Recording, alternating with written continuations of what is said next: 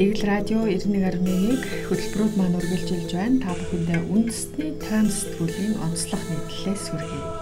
Нийтлэлч дамдан жав. Валют хэрэгтэй бол казино хэрэгтэй. Монголд валют хэрэгтэй. Харин бидэнд валют олж ирдэг зүйлс ганц гарын 5 хуруунаас хэтрэхгүй. Алт цэс нүүрс ноолоор гисхийгээл дуусна. Аялал жуулчлал гих том боломж бий гэх боловч одоогоор энэ салбраас олдог валют нь хэд гурван. Мал хууга гадагшаа зарж борлуулахыг оролддог авч авдаг ус орн хоёроос ихгүй. Ийм нөхцөлд бид валют олж ирэх өөр гарц шийдэл эрэлхийлж үндсэндээ 30 гаруй жил ирснээ болохгүй л явна. Уул уурхаан баялаг маань шавхагдж байна. Ноолуур болоод мал аж ахуйн бүтээгдэхүүн нь тэгтэл их тогтмол урсгал болж чадахгүй байна цар тахал хойд хөршид өрнж байгаа дайнд ажнаас болж Монгол улсын экспорт улмал хүндэрч байна. Хойд хөршин дайнтай, урд хөршин тахалтай үзэлцэж байгаа учраас гадаадаас манад орж ирэх мөнгөний урсгал бараг л тасалдаж гар дээрээ тавих валютгүй болоход хүрээд байна. Ингээд арга барагдахын эрхэнд барьж авдаг хуучин сэдвээ шүүрч авсан нь казино болж таарав. Засгийн газраас казино байгуулах тухай хуулийн төслийг улсын хурлд өргөн барихаар болоод байна. Монголд казино байгуулах 7 дахь оролдлого нь энэ гэсэн үг. 1998 онд анхны оролдлого нь амжилттай болж казиногийн тухай хуулийг бүр баталж байлаа. Гэвч тус хуулийг санаачилж батлуулсан гурван гишүүн авилга авсан хэмээн буруутгагдж шүүхээс ял сонссноор 1999 онд мөнөөх хуулаа хүчингү болгож байсан.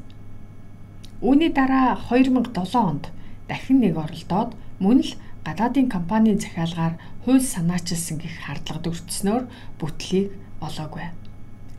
Гадны санхүүжилттэй морин нуур ресурс компани Улсын хурлын гишүүн Шарвдорж, Батбаяр, Гончигдорж, Мурат, Одончимэд туяаг тэргүүтэй гишүүдийг лоббидж казиногийн хуулийн төслийг санаачилсан гэж шуугиж байсан билээ.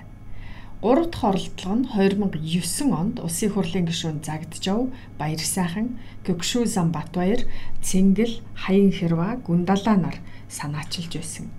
Ингэхдээ хязгаарлагдмал казиногийн тухай төсөл гэж нэрийг өөрчилсөн ч өмнөх хуулийн төслөө тэр хэвээр нь оруулаад ирж байсан. Эндээс мөнөөх морин нуур гих төслийн эцдийн захиалга гих хардлага дахин гарсан нь мэдээж. Тэр төсөл нь ямар учиртай төсөл байваа гэхээр Чингис хаан олон улсын нисэх буудлын ойролцоо баригдах морин нуур гих зохицолборт тусгай эрх олгохоор яригдж байв.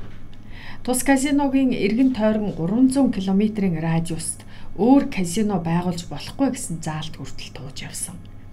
Түүнээс бусдаар тус хуулийн төсөл нь казиног зөвхөн эдийн засгийн чөлөөт бүс хилийн бомбдууд олон улсын нисэх онгоцны буудалд байгуулахаар заасан бөгөөд Монгол хүн казино тоглохыг хориглох үндсэн агуулгатай байлаа. Энэ үзэл санаа нь одоо хүртэл хадгалагдсаар л яваа юм. Тухайн үед сөрөг хүчин байсан ардчилсан намынхан казино хэрэгтэй. Гэхдээ манад хяналт тавих боломж бүрдээгүй гэх шалтгаанаар эсэргүүцэж байлаа. Гэвч 2012 онд олонх боломгцоо казиногийн хуулийг өөрсдөө санаачлан улсын хурлд оруулж ирсэн нь хяналт тавих боломж бүрдсэн гэж үзсэн бололтой. Түгээрч зогсохгүй Монгол иргэдэж казинод орох эрх олгож олно гэх байр суурь гарч байлаа. 1990-ад оны сүүлээр Монгол улсын ерөнхий хөгжлийн төвшин муу элдв эрсдэл байсан бол одоо нөхцөл байдал өөрчлөгдсөн гэж үзэж байлаа. Гэвч казиног хуулиар зөвшөөрч аялал жуулчлалын тусгай бүс байгуулах удаа дараагийн санаачлагыг парламент дэмжихгүй байсаар өдийг хүрсэн юм. 2016 онд Эрдэнэтийн засгийн газар ч мөн казино байгуулахаар чармаасан ч бас л бүтлгүүтсэн. Тухайн үед олон улсын стандартад нийцсэн хоёрхан казино байгуулъя гэсэн санаачлаг гаргаж үүний үр дүнд жилд дунджаар 74-өөс 134 тэрбум төгрөг төсөвт орж ирнэ гэж тооцоолж байсан юм байна.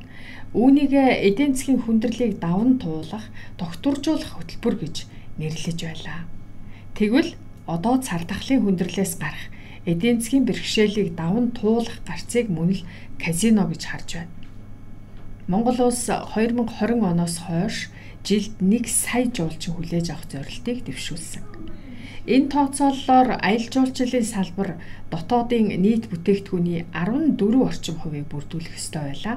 Үүний тулд казинод багада 500 сая Америк долларын анхны хөрөнгө оруулалтыг татаж 800 ажлын байр бүрдүүлэх төлөвлөгөөг танилцуулж байсан байна.